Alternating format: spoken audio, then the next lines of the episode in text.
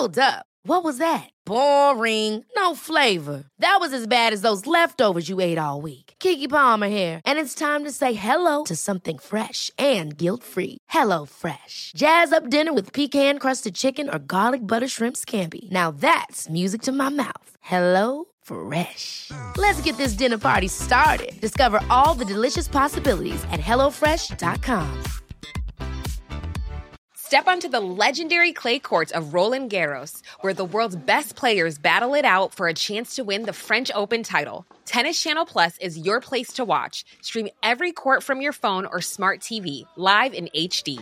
Don't miss a moment with daily live coverage and match replays on demand, beginning Monday, May 20th. Be there for all the unforgettable moments. Stream now with Tennis Channel Plus. Life is full of awesome what ifs, and some not so much, like unexpected medical costs. That's why United Healthcare provides Health Protector Guard fixed indemnity insurance plans to supplement your primary plan and help manage out of pocket costs. Learn more at uh1.com. I oktober 1941 hittades en man vid namn Philip Peters brutalt mördad i sitt eget hem i Denver, Colorado. Han hade blivit ihjälslagen av en okänd gärningsperson i sitt kök. Polisen misstänkte till en början att mordet hade inträffat i samband med ett rån. Men det fanns inga som helst bevis som tydde på att någon hade försökt bryta sig in i huset. Galna teorier började cirkulera runt om i staden och till slut började många misstänka att Philips mord kanske kunde vara kopplat till någon form av paranormala aktiviteter. Den faktiska sanningen kring vad som hände och vad som hade pågått i det här huset under en längre period skulle dock visa sig vara nästintill mer chockerande och mer skrämmande än så.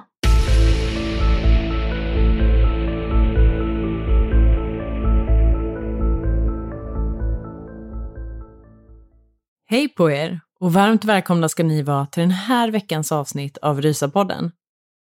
Och det här extremt sjuka fallet tog vi upp inne på vår Patreon-sida för ungefär ett år sedan nu. Och det tåls faktiskt att sägas igen att det inte var vi själva som upptäckte den här ofattbara historien. Utan det var vår eminenta lyssnare Amanda Segersson som hörde av sig till oss och tipsade om just det här fallet. Och vi kände då ganska direkt att det passade alldeles ypperligt för ett lite kortare avsnitt eftersom att det inte fanns allt för mycket information och varierade källor att ta del av därute. Ja, precis. Och det blir ju ofta lite svårare att hitta riktigt bra och tydlig information när det handlar om händelser som utspelade sig för väldigt länge sedan. Och just det här fallet ägde ju rum på 1940-talet, så det är ju ändå mer än 80 år sedan nu. Men det ska dock sägas att det är minst lika obehagligt för det. Så vi kan ju redan nu varna för att man, eh, man blir lite smått paranoid efter att ha tagit del av det här fallet. Eh, jo tack, det kan jag absolut hålla med om. För vi brukar ju faktiskt inte ha med så många renodlat läskiga fall i podden. Även om alla fall vi tar upp såklart är hemska och skrämmande och framförallt tragiska på olika sätt och vis. Men just det här fallet känns verkligen som direkt taget ur en skräckfilm. Och det vi pratar om är alltså fallet kring The Spiderman of Denver. Och den här gången så blir det Annie som kommer att ta er igenom det här avsnittet. Så jag säger helt enkelt varsågoda och se till att ni har en extra lampa tänd under tiden som ni lyssnar.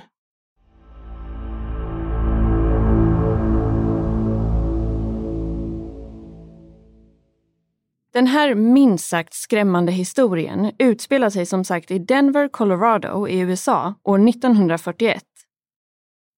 Våra huvudpersoner i det här fallet är det äldre gifta paret Philip och Helen Peters. År 1941 var Philip 73 år gammal och Helen var 70 år gammal. De hade varit gifta i väldigt många år och bodde tillsammans i ett enkelt litet tegelhus som låg på adressen 3335 West Moncrief Place.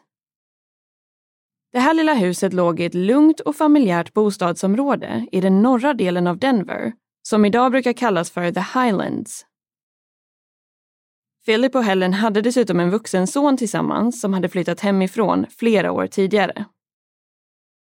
Philip hade arbetat inom den lokala järnvägsindustrin i många år innan han slutligen gick i pension när han var i tidiga 60-årsåldern.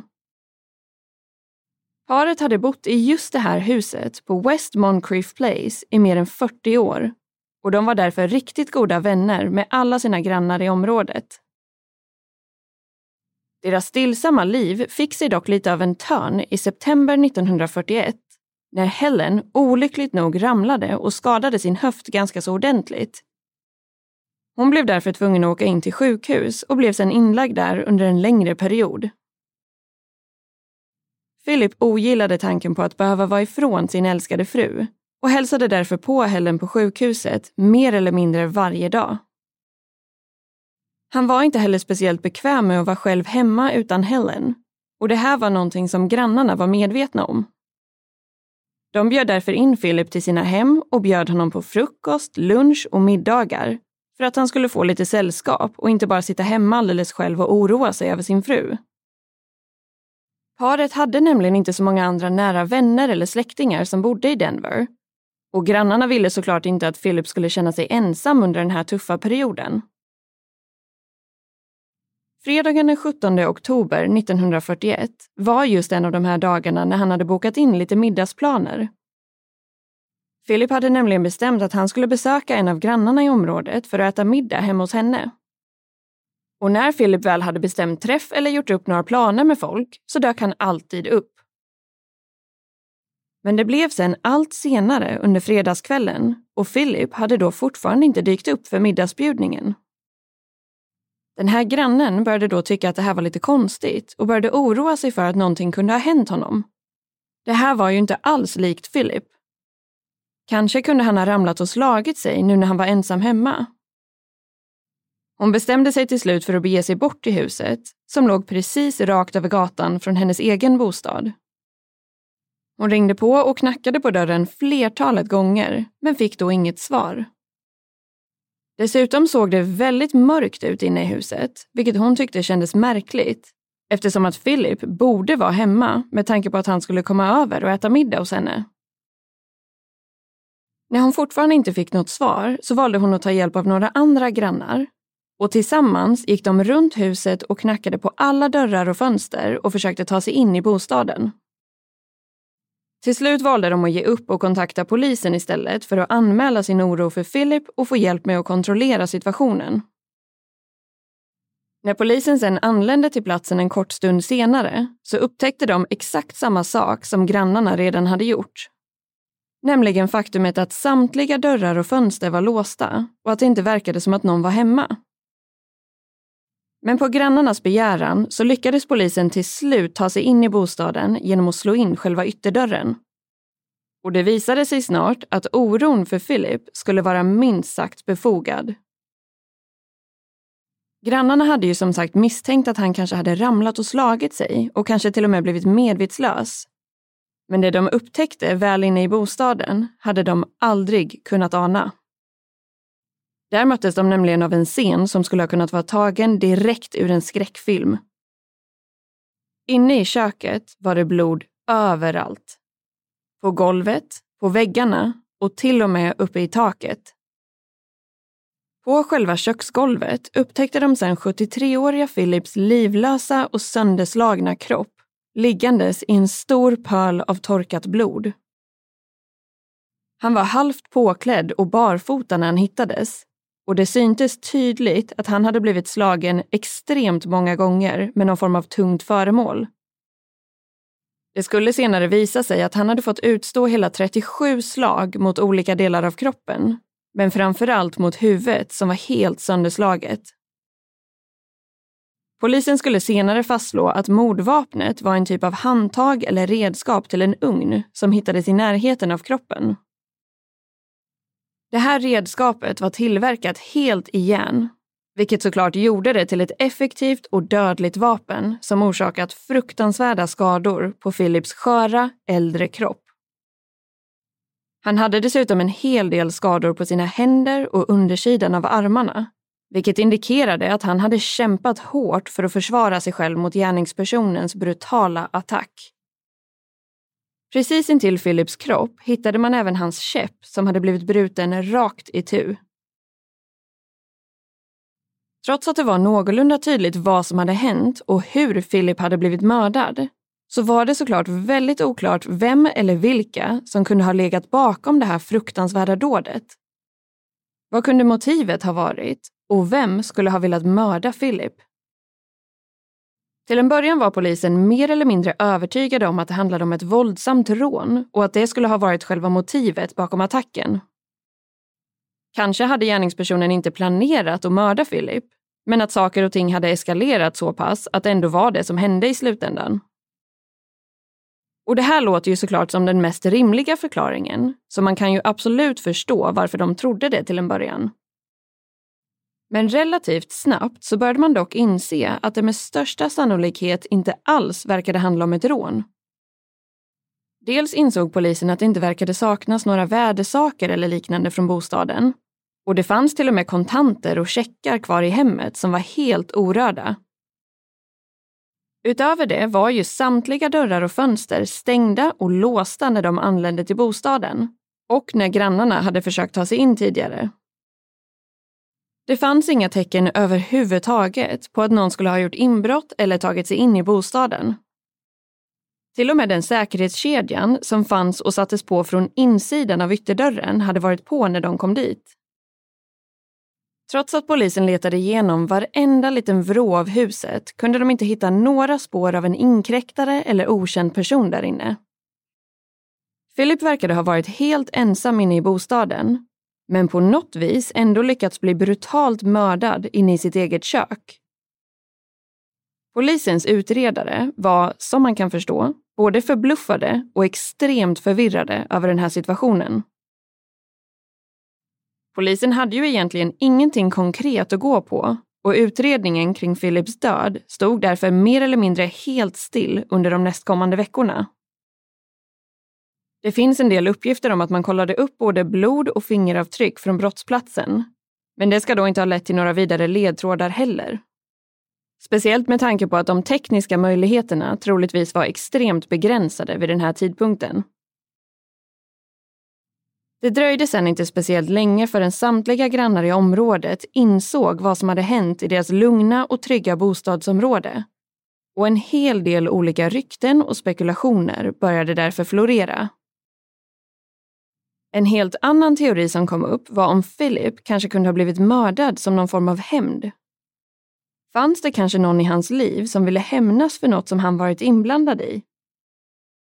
Även polisen var inne på den här teorin och man undersökte därför Philips nätverk och personer i hans liv. Men det fanns inget som tydde på att han hade några fiender eller att någon skulle haft motiv till att vilja ta hans liv på det här brutala viset. Med tanke på att Helen fortfarande var inlagd på sjukhus så stod huset sen tomt under en period. Och det började pratas om ifall Philips mord kanske på något vis kunde vara kopplat till någon form av paranormala eller övernaturliga aktiviteter. Grannar började till och med rapportera om att de tyckte sig ha sett rörelser inne i huset, trots att det nu stod tomt och låst. Rykten började därför spridas om att det var Philips vålnad eller spöke som vandrade runt och hemsökte huset, eftersom att hans mord fortfarande var olöst och att han därför inte kunde gå vidare. Han och Helen hade ju trots allt bott i det här huset i mer än fyra decennier. Så det är ju klart att han kanske inte skulle vilja eller ens kunna gå vidare och släppa taget om huset bara sådär.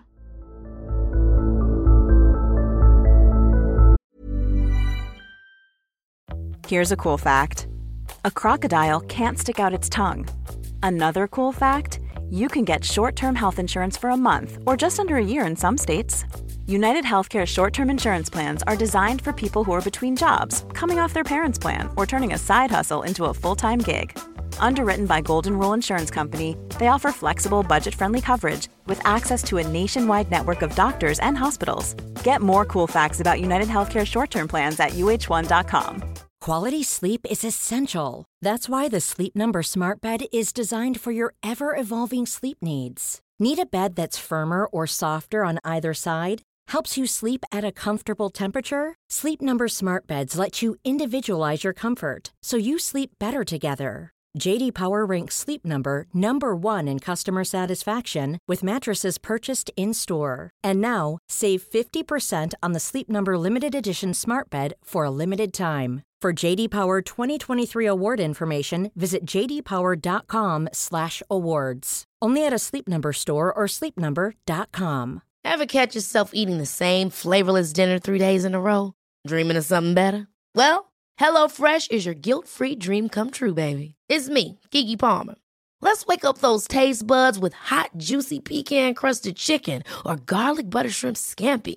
Mm. Hello Fresh. Stop dreaming of all the delicious possibilities and dig in at HelloFresh.com. Let's get this dinner party started.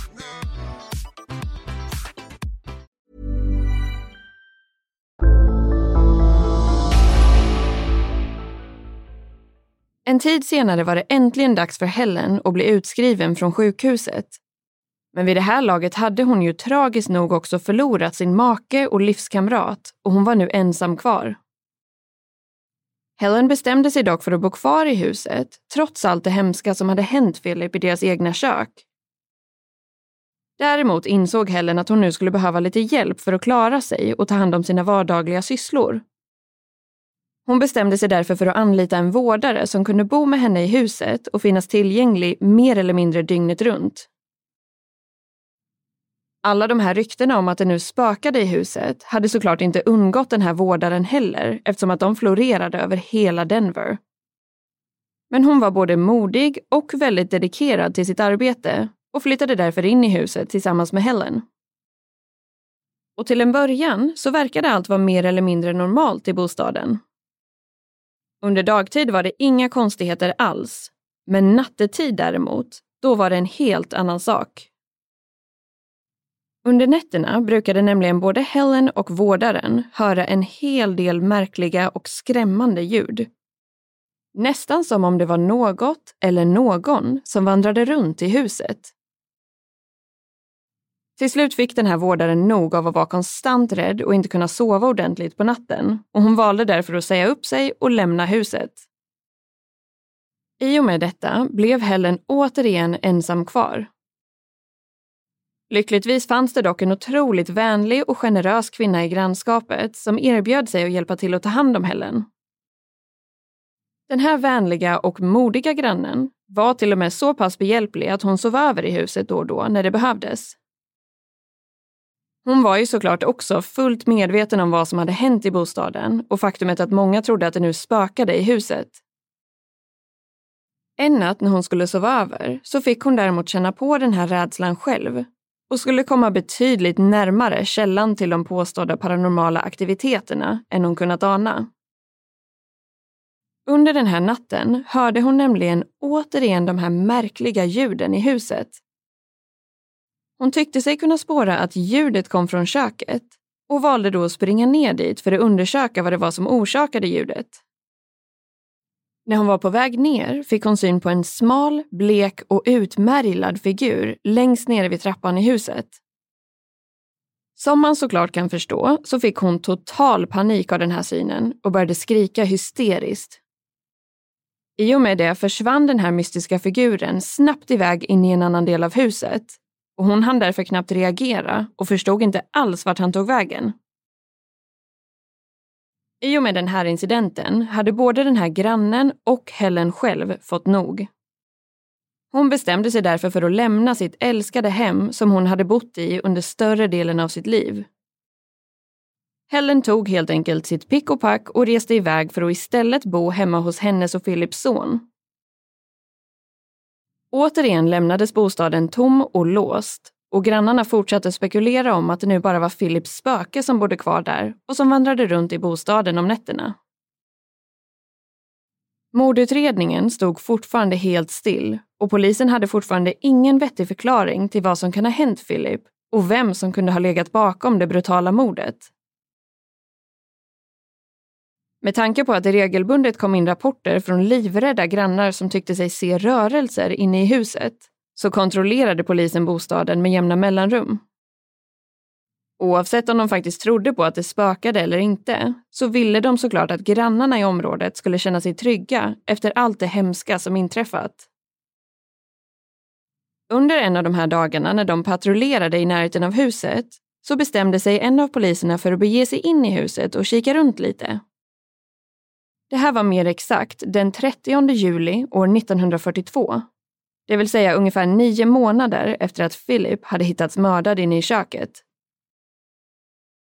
När den här polismannen begav sig in i bostaden så hörde han inom kort ett ljud som har beskrivits ungefär som ljudet av en dörr eller lucka som gick igen uppe på övervåningen. Polismannen sprang då snabbt upp för trappan till övervåningen och in i ett av husets sovrum. Där möttes han av en extremt obehaglig och skrämmande syn. Nämligen ett par smala vita ben som var på väg upp i en väldigt liten och trång lucka som ledde upp till husets vindsutrymme. Rent instinktivt skyndade han då fram och tog tag i ett av de här smala vita benen som stack ner från luckan. Efter lite av en dragkamp så lyckades han till slut dra ner båda benen och personen som benen tillhörde. Det visade sig då vara en blek, smutsig och utmärglad man som nu låg på golvet och var helt slut efter den här dragkampen. Polismannen befann sig såklart i total chock efter den här upptäckten. För givetvis hade de haft koll på att huset hade en vind.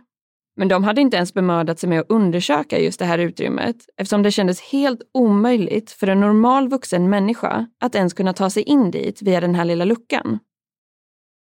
Men det visade sig nu att de hade haft fel i det här antagandet och att den här mannen inte bara hade lyckats ta sig in i det här trånga lilla utrymmet, utan han hade dessutom lyckats bo där inne under en längre period.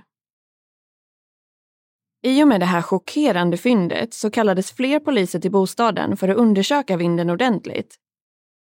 Det här var dock inte en speciellt härlig upplevelse eftersom att det var långt ifrån en hemtrevlig plats.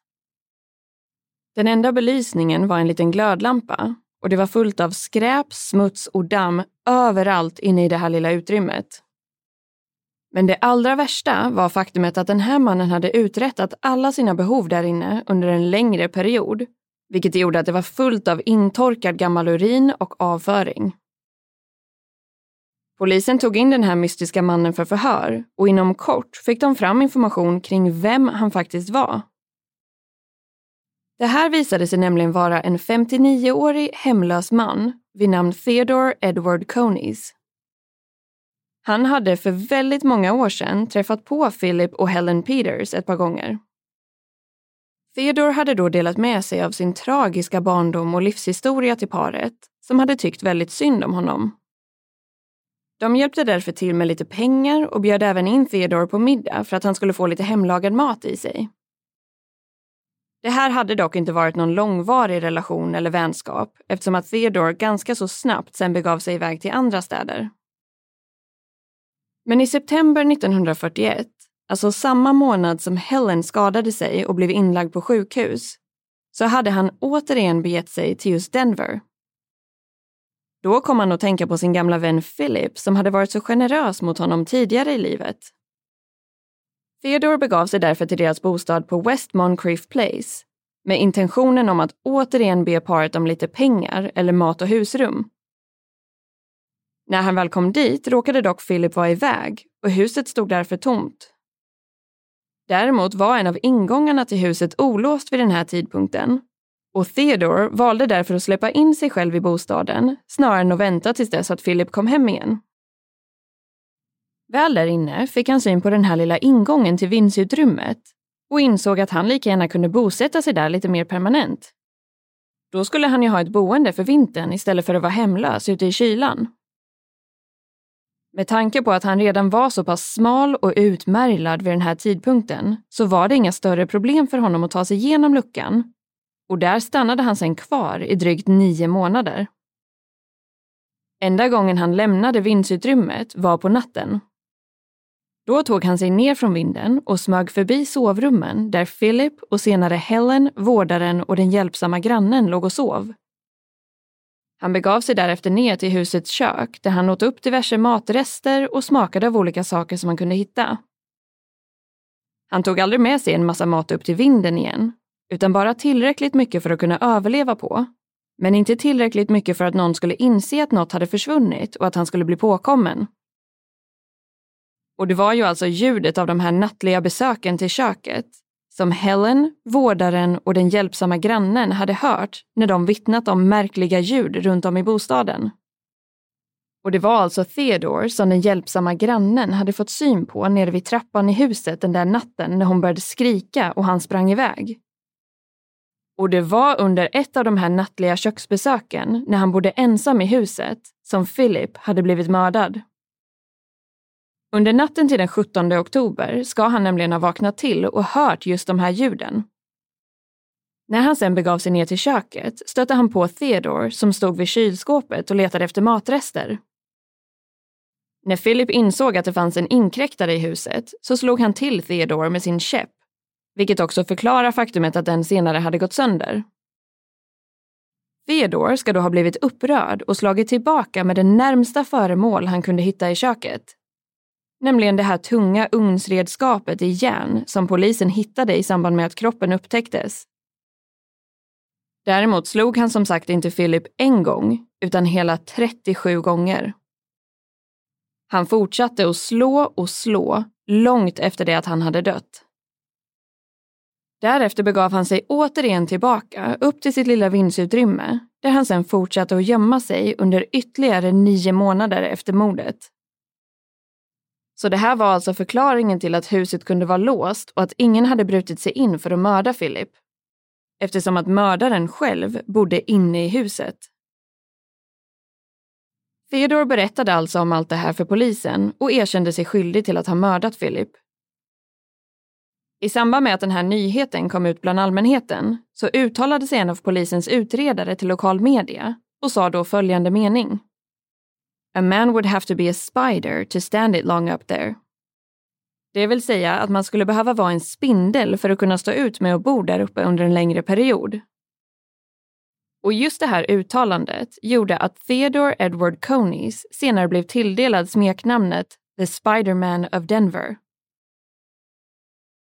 Med tanke på att han erkände sig skyldig så blev det ingen vidare rättegång och han dömdes senare till livstids fängelse för det här fruktansvärda mordet på Philip Peters.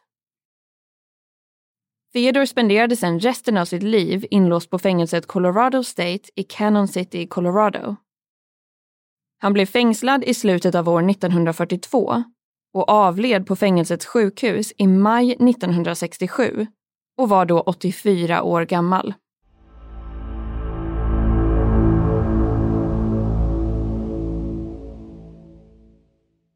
Ja, alltså jag tycker ändå att vi lever upp till namnet Rysapodden med det här fallet, måste jag ändå säga.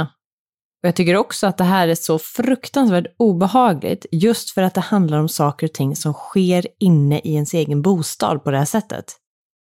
Men framförallt är det ju också på många vis en helt otrolig historia, även om den såklart också är extremt tragisk för det här stackars paret, Philip och Helen, som faktiskt ägde det här huset och drabbades av den här ondskefulla mannens agerande. Ja, och speciellt med tanke på att de också hade varit så pass generösa och omtänksamma mot Theodore tidigare i hans liv. Men det positiva i det här fallet var i alla fall att man till slut insåg vad det var som faktiskt hade hänt och att man lyckades gripa den här mannen. Och om ni nu känner er lite nyfikna på hur The Spider-Man of Denver faktiskt såg ut så kan ni i så fall bara googla det smeknamnet, eller hans riktiga namn, Theodore Edward Coneys, för då kommer det bland annat upp lite bilder och tidningsurklipp och eh, jag måste säga att han ser ut nästan exakt så som jag föreställde mig när jag först läste om det här fallet och innan jag hade sett några bilder överhuvudtaget.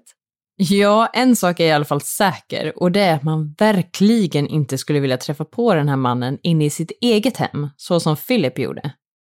Och jag kan säga att när vi först tog upp det här fallet för typ ett år sedan så såg jag till att hålla ett extra vakande öga på våran lucka upp till vinden. Så de känslorna har ju tyvärr kommit tillbaka igen nu, så um, det kan nog bli att sova med lampan tänd i natt, eller ett par nätter. Men förhoppningsvis tyckte ni i alla fall att det här var ett intressant fall att ta del av. Och återigen säger vi tusen tack till dig Amanda, för att du tipsade oss om det här ämnet. Ja, tack, men ändå inte tack, kanske man ska säga. Men i vanlig ordning så är vi tillbaka igen nästa måndag. Och då kommer vi faktiskt att presentera ännu ett fall som vi har valt att dela upp i två olika delar. Och mer exakt så kommer det handla om ett omdiskuterat mordfall som på ett sätt är löst, men där det fortfarande finns en hel del frågor som väldigt många skulle önska lite fler, eller i alla fall betydligt bättre svar på. Så med den lilla cliffhangen där så ska vi ta och runda av för den här veckan. Och som alltid vill vi skicka med ett stort tack för att just du har valt att lyssna på det här avsnittet av Rysapodden.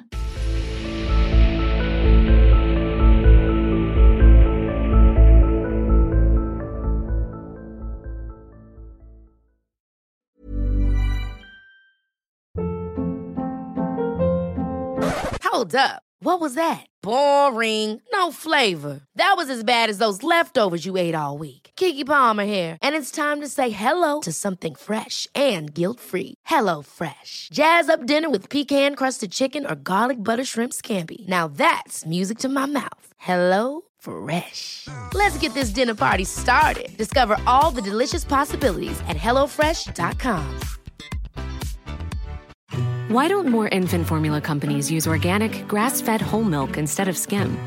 Why don't more infant formula companies use the latest breast milk science? Why don't more infant formula companies run their own clinical trials? Why don't more infant formula companies use more of the proteins found in breast milk?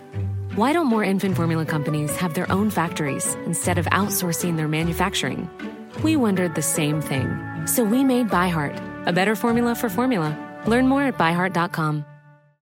When you need mealtime inspiration, it's worth shopping Kroger, where you'll find over 30,000 mouthwatering choices that excite your inner foodie. And no matter what tasty choice you make, you'll enjoy our everyday low prices, plus extra ways to save, like digital coupons worth over $600 each week. You can also save up to $1 off per gallon at the pump with fuel points. More savings and more inspiring flavors make shopping Kroger worth it every time. Kroger, fresh for everyone. Fuel restrictions apply.